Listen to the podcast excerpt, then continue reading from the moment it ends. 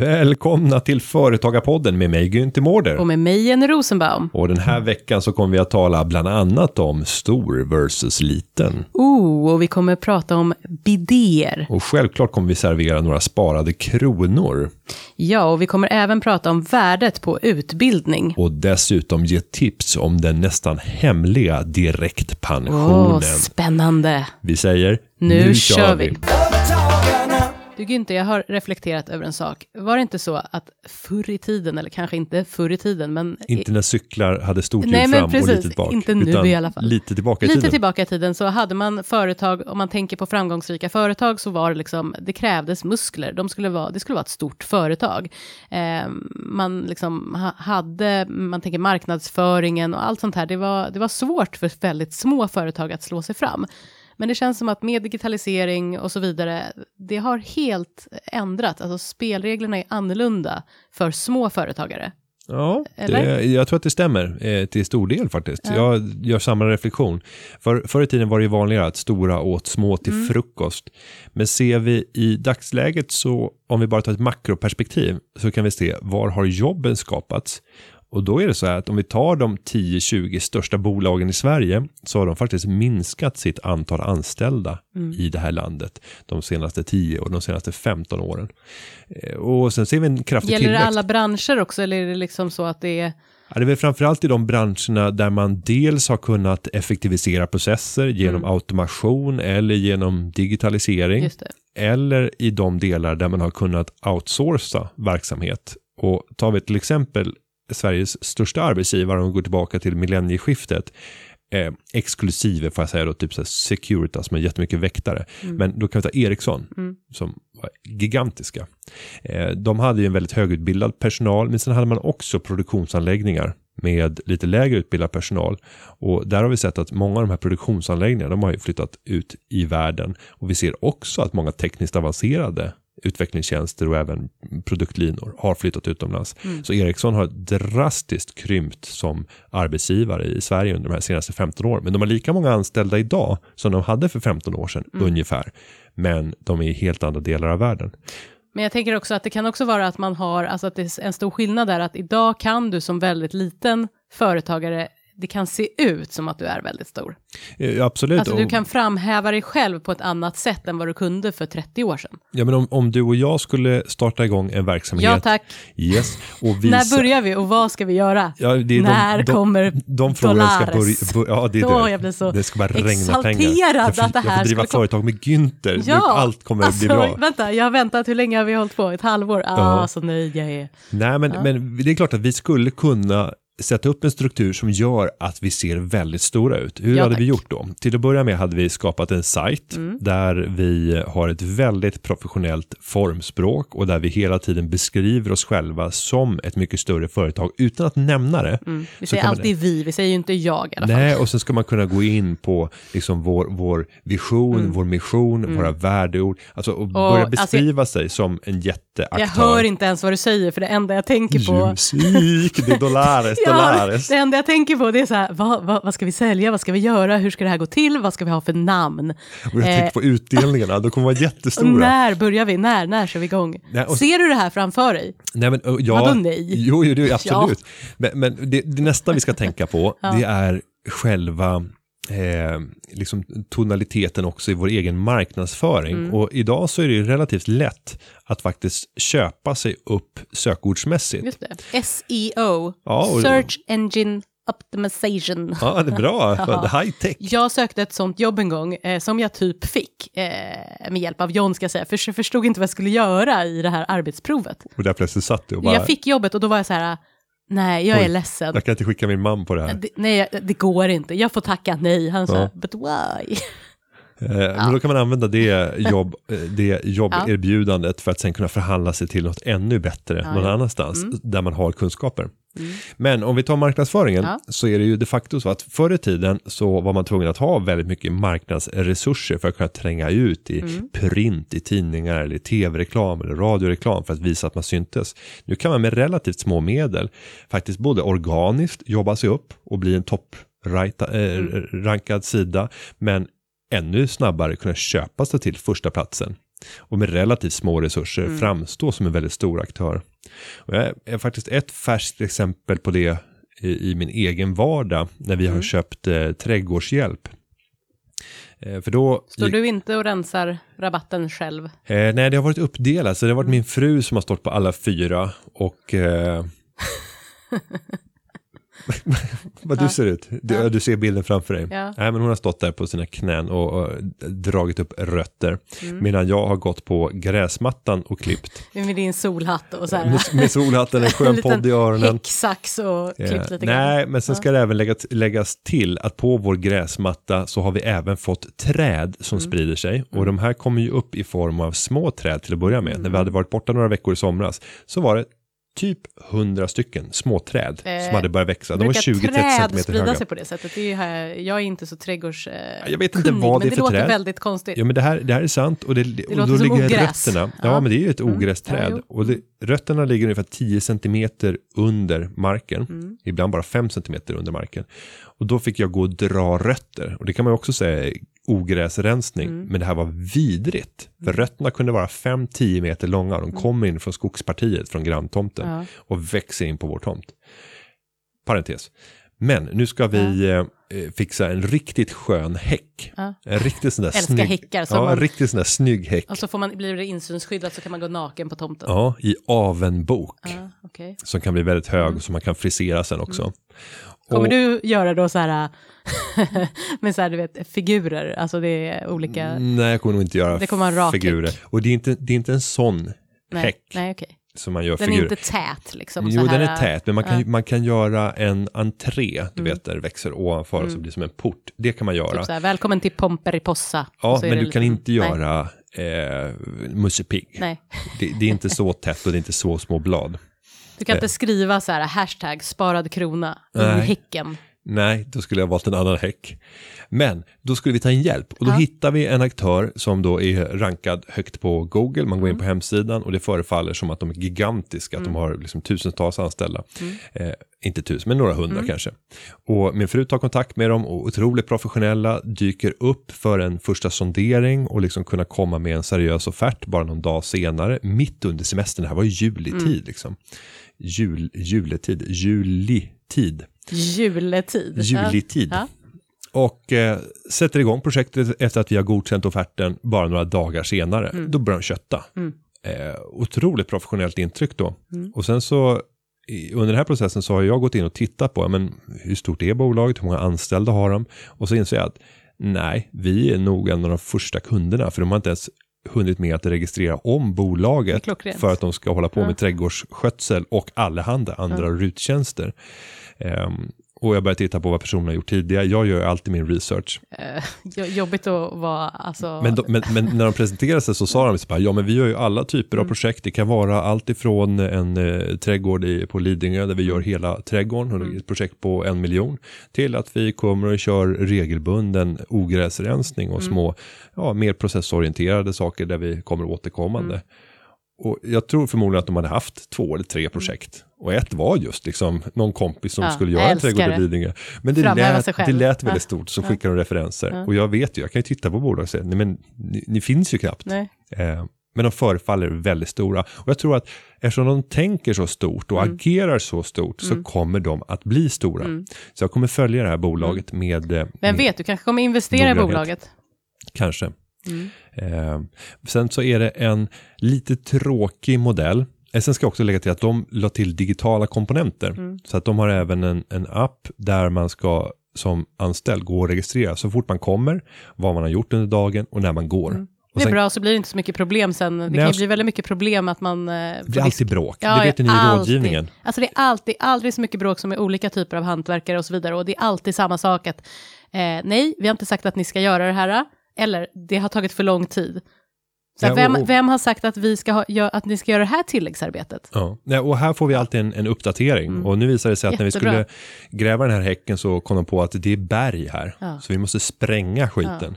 Ja. då får vi omedelbart en kostnadsuppdatering på vad kommer det kosta, hur många timmar uppskattat. Och sen återigen, återrapportering varje dag. Mm. Hur ligger vi till? Eh, Så en ganska smart process för att överbrygga de här förtroendegapen som Mm. ja, finns. visst, jättebra. Så det här kommer nog växa och det här är ett bra exempel på hur ett företag snabbt kan slås in. Anledningen till att jag kanske inte vill investera i ett sånt här företag är att det krävs alltid väldigt mycket mankraft för att generera intäkterna. Det kommer aldrig att vara självgående. Nej. Att leverera ytterligare en enhet är förbundet med anställda. Mm. ytterligare eh, arbetsinsatser. Jämfört med någon som innoverar en produkt som man sen kan skala upp till en låg produktionskostnad och börja sprida runt om i världen. Eller ännu bättre, en digital produkt som inte har en marginalkostnad som är försvinnande låg för ytterligare en såld enhet. Det är jag lite mer intresserad Mm. av. Men intressant fenomen. Men nu börjar hösten tränga på, det börjar bli kallare, det är påtagligt nu jämfört Ja, med, med sommaren, även om vi får några små hettor även här i, i slutet av augusti och, Ja. och september. Ja. Någonting som många upptäcker nu är att man brände alldeles för mycket pengar under sommaren. Mm. Känner du igen det här? ja, verkligen.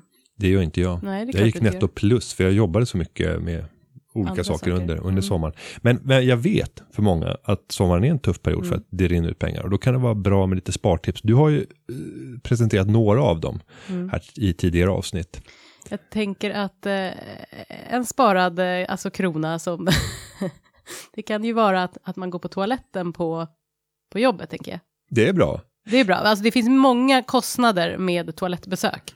Nej, men det, det, där, det där är ju intressant. Och är man, är man anställd... Förutom att man typ så sitt, kan sitta och, alltså, som jag ser fram emot nu när jag ska komma tillbaka från min föräldraledighet, det är ju inte en sparad krona för er, men det blir ju, man kan, alltså hur många tar pauser på toaletten? Att få sitta själv Att få på sitta toaletten. själv på toaletten, man kan sitta länge.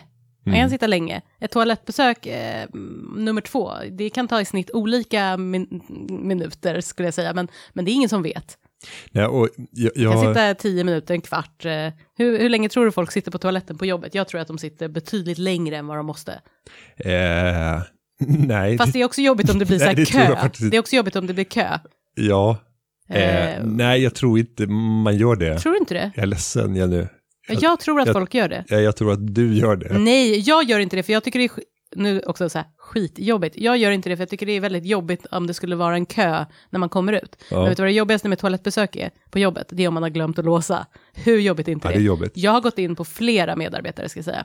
Jaha, det har jag inte gjort. Men det är inte det jag skulle komma till, utan den sparade kronan skulle jag då säga att toalettpapper, vatten, alltså när man spolar, och eh, mycket tvål av Handtvål. dyr, ja, så här fräsch tvål som finns på, på arbetet.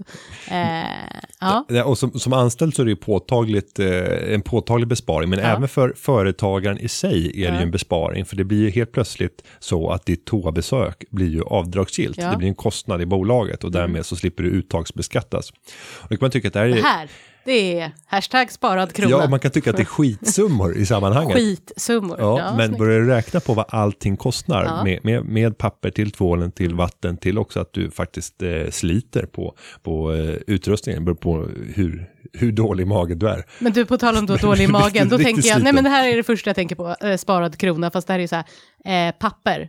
Mjukt versus hårt. Alltså vi hemma hos oss har ju då det mjukaste pappret. Oh, Och ja. jag kan bara tänka mig hur hårt ditt papper är. Det är typ så här, det är alltså typ så här A4-ark som du har tagit med dig från jobbet. Nej, men jag kör, du vet, sån här stor industripapper Åh. som du har på stor Mm. ställning och river av med lite gult ofärgat eh, papper. Gör du det på riktigt? Nej, Nej. det gör jag inte. Nej, men vi köper eh, billigt lågprispapper. Ja, ni köper det billiga. Liksom, du gillar inte när det är mjukt. Du vill, du vill gärna rispa till lite. Ja, men sen vill jag gärna att det ska vara räfflat. Så att eh, de två lagren av papper, för vi kör ju två lager, så ni kör ju förmodligen fyra lagers. Men att de två lagren inte separerar från varandra. Och sen att du har en, du relativ, fingrarna. ja, men relativ hållfasthet i pappret så att det inte eh, fastnar. Och att det blir pappersrester där man har torkat. Eh, vilket får mig att tänka på någonting som verkligen inte är sparad krona och det var när jag bodde utomlands. Då låg det alltid baby wipes, alltså vid toaletten som jag var så här, varför ska, vad ska man ha det här till? Jag är ingen bebis. Och de var så här, it's the final touch. Åh, Eh, vilket får mig att tänka på dum, dum, dum, bidé. ja, alltså, närmast bortglömda. Ja, alltså om man skulle ha en bidé också, varför, vem har bidéer? Alltså du vet, och bara, för det är ju sparad krona, för då tänker jag, då slipper man ju pappret. Ja, det, man ökar vattenförbrukningen lite grann. Eh, Tror du det är många som har en bidé på arbetstoan? Det tror jag är ytterst sällsynt. Ja. Men jag tänker så här, bidé var ju någonting som började försvinna i slutet på 80-talet och tidigt 90-tal då Mm. det rensades ut från hemmen. Man kan fortfarande se bostadsannonser för de som liksom stannade upp. Livet stannade Mm. 1978 eh, och bidén som var grön kanske. Just det, lite såhär mint, eh, gräsgrön. Något sånt Ja. eh, är fortfarande kvar. Men jag ska säga att det finns ju fortfarande moderna bidéer. Mm. Eh, Min svärfar har en eh, bidé hemma. Har du testat den? Jag har testat den och jag tycker den är förtjänstfull. Ja, Eh, klart du tycker. och, och jag vet att en, en vän till mig eh, när vi pluggade på, på mellanstadiet, eh, pappan där hade också och nyttjade bidén. Och sen bredvid så fanns det en speciell handduk. Eh, och sen så vet jag att eh, när, vi Den hade, ville man inte torka Nej, ansiktet med när vi hade varit hemma hos henne så kom hon ut, eh, när vi kom ut från toaletten sa ni torkade väl inte er på pappas stjärthandduk? och det hade vi som tur var inte gjort. Det hade varit tråkigt. Alltså, Jo, jag, jag var tvungen att tvätta ansiktet och så Ja, tog jag den precis. där lilla handduken som var bredvid bidén. Åh, ja vad roligt. Nej men det finns, det, jag, Men alltså hur många tror du, du som är i hantverkssvängen jag på att säga, alltså hur många bidéer installeras år 2016? eh, Alltså så här som ny, ny liksom, man renoverar badrum och så bara, jag vill ha en bidé. ja men i Sverige, vi har drygt två miljoner småhus, det är väl där som primärmarknaden Mm. är. Eh, nej men jag skulle tro att, ja, grov skattning. Vi måste, alltså ens- ni hantverkare där ute, alltså snälla, kom in med, ja, eller liksom bilder på bidé, eller om ni har en bidé hemma, det är roligt. Jag lägger upp en bidé, gärna när ni sitter på bidén, hashtag- lyssnandes på Företagarpodden. Ja. Lägg upp det, hashtag Företagarpodden i Instagram, er egen bidé. Ja, Eh, det hade varit roligt att installera det på arbetsplatsen. alltså så kul. Men sen ska vi bedöma de ekonomiska komponenterna. Jobbigt att komma in, alltså om man har glömt låsa, alltså okej om man sitter med byxorna ner, det kan vara jobbigt, men hur jobbigt är det? Alltså om någon öppnar dörren och man står skvalpandes, Du- du- naken, Dubbelvit och, och, och över, över en bidé. Alltså det är helt underbart. Ja. Ja, Eh, men som sagt, sparad krona, eh, gå på toa på, på jobbet. Dessutom, jag struntar ju alltid att, eh, att dricka kaffe hemma. Nu cyklar jag till jobbet, också sparad krona, även om det eh, man blir lite svettig. Men det är bra, då visar man att man jobbar hårt. skvalpar Då kommer av lukta bidén. ja, tvättar av det värsta i bidén. Men sen att, att eh, dricka kaffe på jobbet. Ja. Eh, och som företagare så blir det ju avdragsgillt och som, som företagare så blir det liksom en förmån som är obeskattad. jag har tänkt på det när jag inte hade mjölk, om man tar mjölk hemma, kan man ta med sig mjölken? Det, vi har mycket mjölk här. Eh, det- Ja, det är, Det är ju väldigt sparad krona. Man Ja, börjar det- länsa kylskåpet. ja, och det är att beteckna som, som ren stöld. Ja, ja, Då, ja. Jag, du, är du som är juristen, jag vet inte om jag behöver... eh, Men tror du inte, för det, nu eh, hoppar jag tillbaka till toapappret, jag tror faktiskt, och nu ska, kommer du säga så här, nej det är ingen som gör det, men jag tror att, att vissa människor faktiskt är så här, det finns 40 toarullar här, Mm. jag har inget toapapper hemma och jag orkar inte gå förbi och handla, och jag har en ganska stor handväska, nu tar jag en sån och så lägger jag den i handväskan. Jo, det där är rätt vanligt Mm. och man ser det ofta i offentliga miljöer och det är därför som man har De här menar, stora rullarna. Ja, med låsbar. De är här, svår- SCAs Katrin Den är svår Skåpet. att komma ut med, så, så här, sticker upp en så här jätterulle. Alltså, släpar ut sin ja. handväska. Eh, så det är, ett, det är ett skäl till det. Samma sak är det med de här kaffekapslarna som ja, blev väldigt populära. De De- har de- de ju gjort som... eh, Man gör ju två versioner, en för liksom professionellt bruk Mm. i kontorsmiljöer och som man säljer till företag och en som du har för privat för att inte få den här sammanblandningen att folk tar hem dem. Eh, och det, det är ju förenat med väldigt stora kostnader. Nej, man kan hela tiden tänka på vad, vad i mitt eh, liv gör. Sen finns det sådana här gråzoner. Om du tar till exempel mobil, Mm. att eh, inte ha en privat mobil om man är företagare. Du har inget hem, ingen hemtelefon. Där ska det ju då uttagsbeskattas Mm. för eh, användningen om det inte är så att du måste verkligen hela tiden vara jour och använda din telefon. Och för en företagare så är det lättare att bevisa än för en vanlig anställd. Mm. Men många anställda har ju också fri telefon. Samma sak kan gälla med internet. Mm. När du har en, eh, en, en 3G eller 4G-router som du kopplar in i datorn eller en separat puck Mm. eh, som du använder privat. Det är många sådär Mm. och det är väl det som också har fött den här eh, ska man säga, misstänksamheten som ibland finns mot eh, enskilda företagare. Man tycker Mm. rufflare för att man har svårt att skilja på de här gränserna. Mm. Eh, Och jag tror att oavsett om du är företagare eller om du är anställd så tar du dig friheter utifrån det jobb som du är i. När jag jobbade inom hantverksbranschen tidigare och man håller på med egna projekt hemma. Det är inte så att man springer iväg och köper dyr spaxskruv för att du behövde det hemma till ditt projekt. Utan ja, behövde du 50 stycken och det finns i den där lådan på jobbet, du plockar med det. Mm.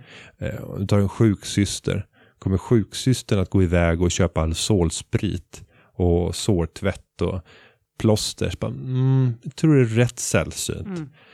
Eh, De flesta brukar utnyttja, och jag ser ju inom finansbranschen, där är det annorlunda, för där jobbar de med råvaran pengar. Mm. De blir brukar det- ta med sig och man bara, tar med sig lite pengar. eh, det, fanns finns så lite pengar här, jag tar med mig det hem helt Ja, men faktum var Ja. så var det ju med Panaxia eh, som jobbade med värdetransporter. De, de, Tog med de, sig. de, tog ju pengar och i det här fallet så bland annat finansierade de ju AIK.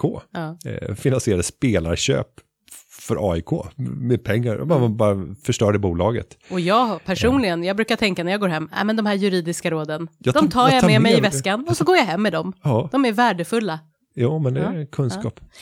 Du, Ja, men lite sparad eh, krona. Det var sparad krona. Jag tänker att eh, vi hoppar in på en fråga Ja, från John Doe. denna anonyma Mm. man. Och då har jag också skrivit inom en parentes här en väldigt lång fråga. Ja, och, Det gillar vi inte. Nej, vi gillar inte långa Nej, frågor för nej. de är svåra att kondensera och Ja. leverera i ett eh, radioformat. Vi gillar korta frågor och jag ska försöka börja eh, att sammanfatta frågan så får du hoppa in Günther och, och så. Ehm, bakgrunden till John Doe är att han, precis som Günther, från tidig ålder har haft ett stort intresse för investeringar och företagande. Han har startat en enskild firma och eh, det verkar ju ha gått bra här. Han har, eh, idag är han då 25 år och har lyckats få ihop några miljoner. Låter ju Otroligt bra jobbat. fantastiskt. Eh, parallellt med företagandet har han hunnit ta ett par kandidatexamen inom ekonomi och jobbar idag, på en, inte? ja, jobbar idag på en byrå. Och det Eh, står inte vad det är för byrå ska nej. vi lägga till här. Precis, så det, det vet vi inte om det är en PR-byrå eller någon annan. Managementkonsult eller Ja. juristbyrå eller ja. Nej, det vet vi inte. Men ehm, eh, och eh, vid sidan om den här anställningen har han ju då det här företaget och så vidare. Men jag tror att själva frågan, om jag förstår det hela rätt, det är att nu är han väldigt nöjd ändå med sin anställning. Han får lära sig mycket på jobbet säger han. Han Varje dag ut- känns som en utbildning. Ja, han ser det som utbildning. Han kan dessutom spara mycket pengar. Vi, Ja. vi pratar om stora belopp. Ja, ja, ja. Och, och han, han lägger undan eh, för, för de allra flesta helt osannolika belopp. Alltså Mm. vi pratar 20-30 tusen som han kan avvara varje, varje månad.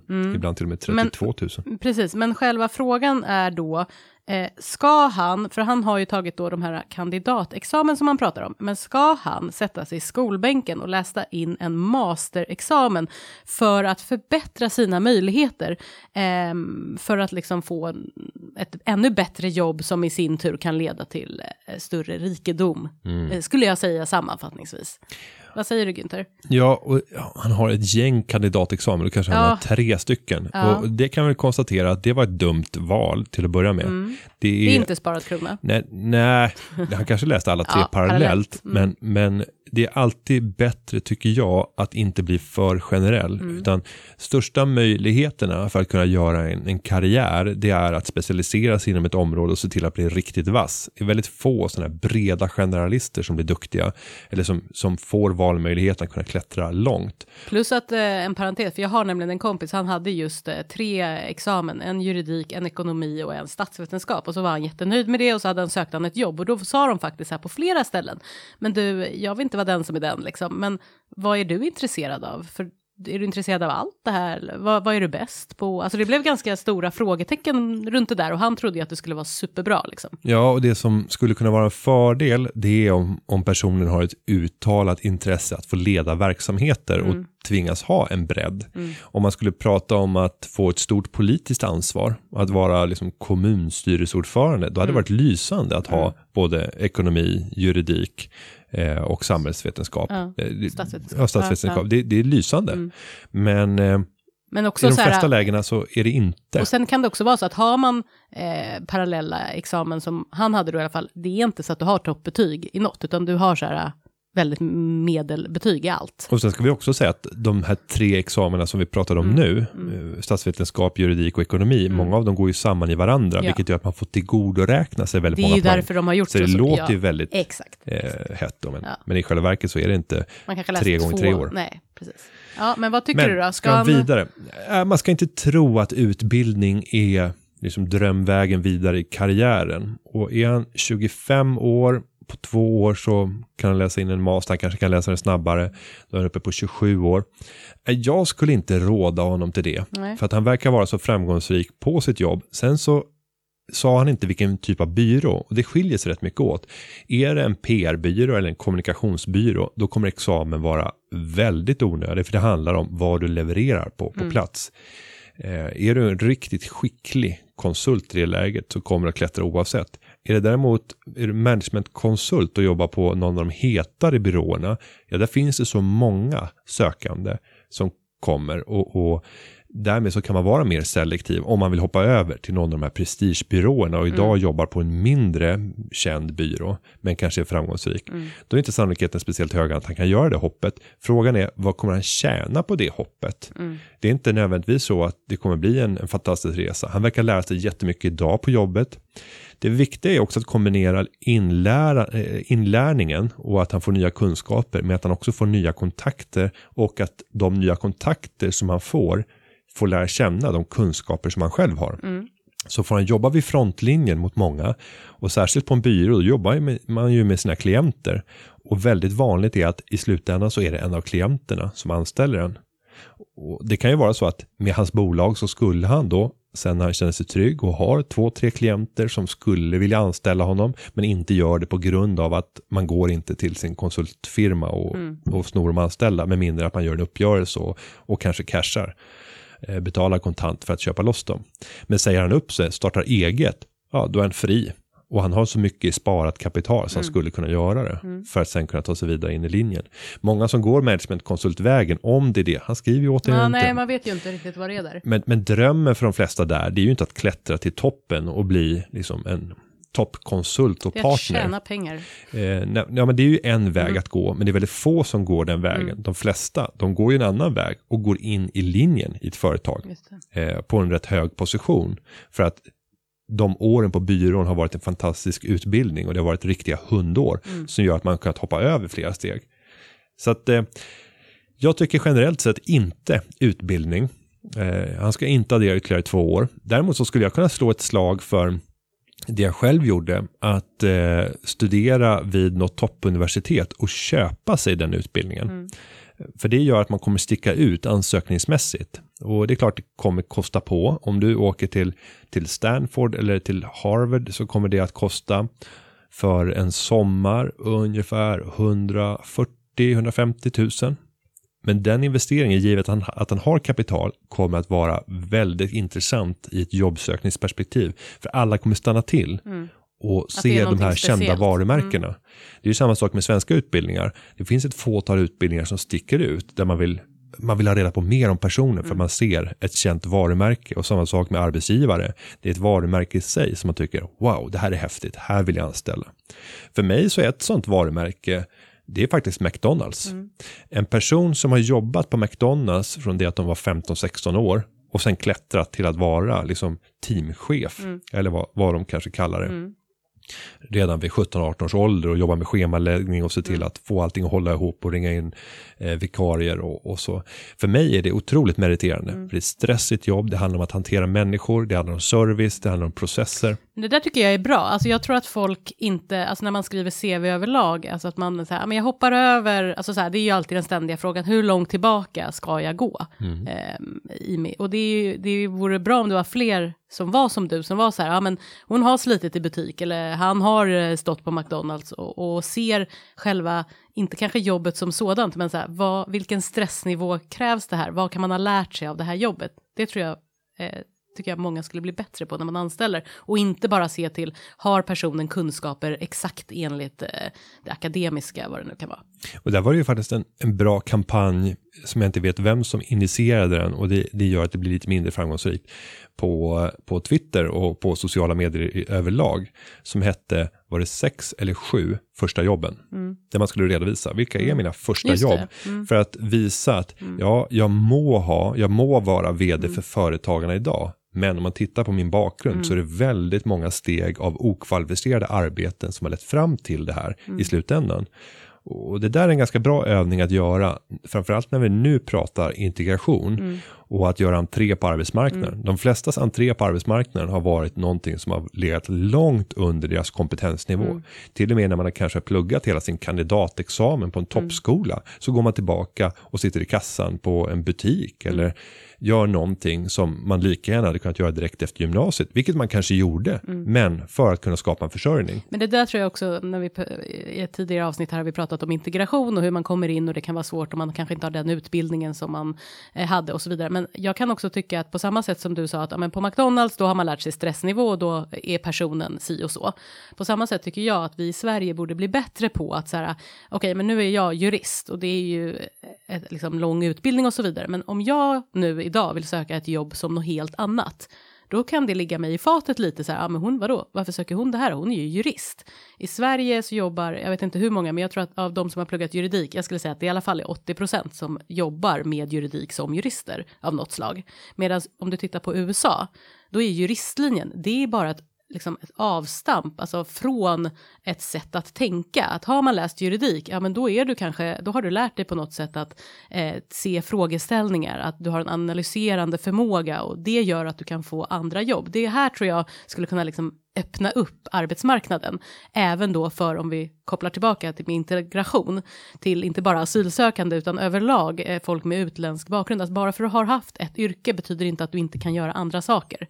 Ja, nej, och där är vi nog ganska inskränkta ja, i vår inskränkta. lutherianska mm. kultur. Det är tråkigt. För att titta på, precis som du nämner, den anglosaxiska kulturen. Mm. Och den återfinns ju i, också såklart i, i England. Mm. Och vad är det man pluggar där om man vill bevisa sig? Om det är filosofi. Mm. Eh, litteraturvetenskap, mm. den typen av utbildningar mm. står väldigt högt. Mm. Och tar man toppjobb inom finansbranschen, men är det någon som har har läst på Ethan och mm. läst filosofi med toppbetyg, så här, perfekt kom och jobba på den här banken. Mm. För att kan du lära dig det och prestera på topp, då kan du lära dig det som finns här. Det Intressant att du säger filosofi i Norge. Jag har för övrigt tillsammans med min bror under en termin läst praktisk filosofi. Det var väldigt eh, intressant. Och, I Sverige är det bara flummigt. Bara, ja, jätteflummigt. Fast hur, där måste jag säga att man, jag menar, man läser argumentationsanalys, mm. den fria viljan. Alltså det var väldigt många saker som faktiskt var väldigt bra. Och i Norge, som ändå ligger nära oss, där är det tydligen så att man innan universitetet läser någon typ av basår för att ens börja varpå då filosofi och tror jag matematik ingår.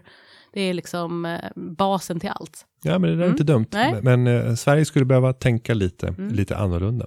Ser du vilken idé, en idéspruta jag är? Jag ja. kanske ska vara din högra hand eh, när vi går ut, vi, hörru, vi Ja, just det, när vi startar och, vår firma, vår ja. stora firma. Ja, ja. Ja, men jag vi... tror att vi har gett svar till, till denna ja. anonyma John Doe från ja, Stockholm. Men det, det, tror jag också, ett, ett långt svar. Mm. Um, vi går vidare till en fråga som handlar om bam, bam, pension. Eh, yes. och det är Benjamin Sairi som frågar vilket är det effektivaste sättet att avsätta pengar från bolaget till din pension om du äger ett aktiebolag och du är den enda anställda. Och då tänker jag på Günther Mårder, denna pensions specialist. Årets pensionsspecialist. Ja, fast det är inte inte årets eh, 2016. För några år sedan, årets Årets- pensionsspecialist. Ja, och det är mycket som kanske har hänt, det vet inte jag. Men, Det är det. Men, nu är ja. jag årets digitala kommunikatör för Oj, andra där året i rad. du det sagt. Jag är årets Jenny Rosenbaum. Bränner av fyrverkerier här inne. Ja, Ja, du gör det själv också. pension Ja, var det. ja. Vad, så, Vad roligt att han ställer frågan.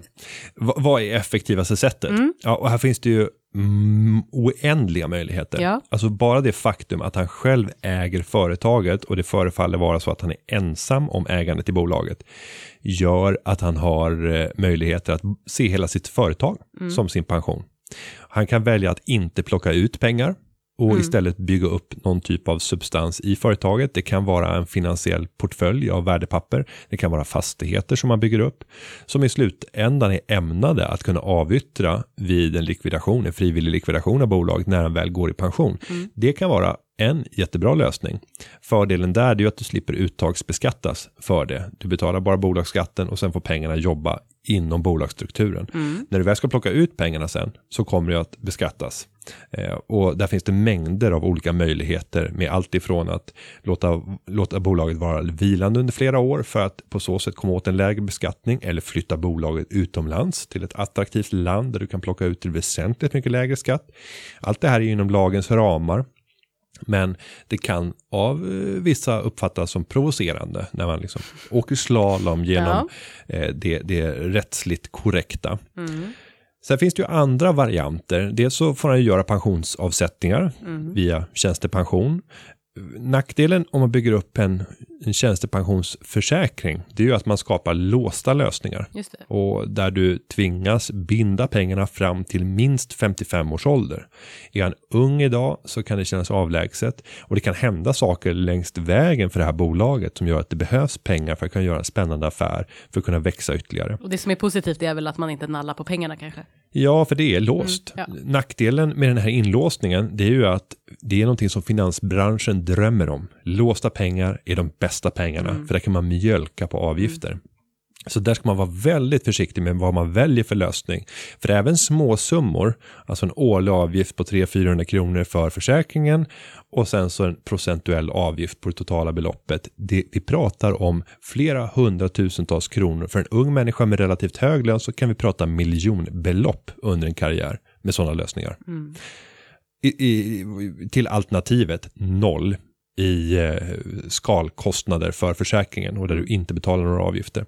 Sen betalar du dessutom en årlig avkastningsskatt på pensionssparande, vilket också urgröper. Det gör du inte om du låter pengarna vara vilandes i bolaget eh, och, på så sätt genererar vinster. Men då är det vinster och då är det bolagsskatt. Så att det är Ja, lite att och tänka karusellen. Det är ganska mycket räknande här beroende på hur ens intäktsströmmar ser ut för, för livet. Sen finns det en bortglömd del som kallas direktpension. Och det är ett avtal mellan arbetstagaren och, och arbetsgivaren och i det här fallet så är det du som är både arbetstagare och arbetsgivare, du äger helheten. Och där man gör ett avtal från bolaget till den anställda och gör en pension, pensionsreservation som ligger inne i bolaget. Så pengarna är fortfarande oskattade. Men det här kontraktet kan rivas Just det. om du skulle behöva pengarna i bolaget och eftersom du kontrollerar 100% av dig själv och 100% av bolaget så gör det ju ingenting. Nej. Så att det, det blir en friare form där du plötsligt har access till pengarna om det skulle inträffa någonting. Eh, men samtidigt så är det en intressant pensionsform eftersom du inte behöver ha en pensionsförsäkring och därmed slipper avgifterna. Men du måste då ta ansvar för att investera de här pengarna på ett klokt sätt. Sen kan man väl tillägga att om man ska göra det du berättar om nu, direktpension, fast med en annan anställd än sig själv, eh, så krävs det lite formalia runt omkring det där just. ehm, så Absolut. kan vi bara sammanfattningsvis säga. Ja, ja, och där gäller det att verkligen hålla koll på vad det är man gör. Ja. Är det mellan dig själv och bolaget och det är hundraprocentigt förhållande mellan er, då är det min, mindre noggrant, det är mindre Ja. som kan gå fel. Eh, Men jag skulle ändå rekommendera att man tar hjälp av en, en rådgivare, kanske pratar med sin ekonomikonsult eller sin revisor för att få lite mer information om vilka möjligheter som finns. Sen ska man väl säga också att tjänstepensioner, eh, då är det ju en övre gräns att du får avsätta 35 procent eh, av lönen, medan direktpension, du kan ju avsätta eh, ja, hur mycket eller hur lite du vill och du kan göra engångsinsättningar och så vidare. Det blir väldigt fritt. Nej, så, så läs på lite Mm. mer om direktpension och anledningen till att det är väldigt få som marknadsför den här möjligheten från säga, de finansiella aktörerna Mm. ute på marknaden. Det är ju att det oftast är ett hot mot deras intjäning. De vill att du ska låsa pengarna hos dem under din livstid eller fram till minst 55 års ålder. Så därför vill de inte prata om det här. Så gå in och googla eh, direktpension och läs på. Det kan vara ett intressant alternativ. Och det bästa brukar ofta vara att tänka mångfacetterat. Det är inte ett sätt, utan det är en en en lösning med flera olika delar. Där du dels betalar ut en lön som gör att du maximerar eh, inbetalningar till sjuk, eh, vå- vårt, eh, SGI, Ja, vår- sjukpenninggrundande inkomst. tack. Den är svår. Eh, för då får du full in, inbetalning till allmän pension. Ja. Det är liksom steg ett. Eh, du ska inte ta ut lön över det. För att det tjänar du oftast inte på, utan då är det bättre att göra en frivillig pensionsöverenskommelse där det skjuts över en, en tjänstepension på upp till 35 procent av hela din lönesumma. Så att, eh, och, och kombinera det med utdelningsutrymmet där du får 20 procent i skatt och där får du beräkna hur mycket pengar får du dela ut till 20 procent i skatt. Och sen så har ytterligare en komponent där du kanske sparar lite i bolaget eh, som du inte tar ut utan eh, du bara bygger upp en substans i bolaget och sen kanske har direktpension ovanpå det. Så tänka en hel palett av lösningar. Du, eh, Vackert. Åh, väldigt vackert, men jag tänker-. Härligt, och då tänker jag så här, åh, vad, vad tänker folk där ute? Men då tänker jag så här, du, vad, vad skulle du säga en procentsats, vi ska avsluta med det här, men en procentsats av ens lön som man ska göra som en avsättning. För förut var det ju så här, ja men du får eh, som anställd då eh, göra det här avdraget med 12 000 k- kronor, vilket gjorde att alla eh, Det var individuellt kund- pensionssparande och det har man nu tagit bort. Mm. Ja, precis, för anställda, men för företagen, företagare finns det ju kvar. Men, men eh, alla man känner då gjorde 1000 kronor i månaden, liksom en insättning. Vad, eh, om man kunde. Vad skulle du säga, och då eh, på en procentsats på en, någons lön? Och då pratar jag inte om dig själv som säkert lägger in Nej. liksom, tiotusentals kronor varje månad i pensions... Miljontals kronor. Ja, eh, inte varje månad kanske.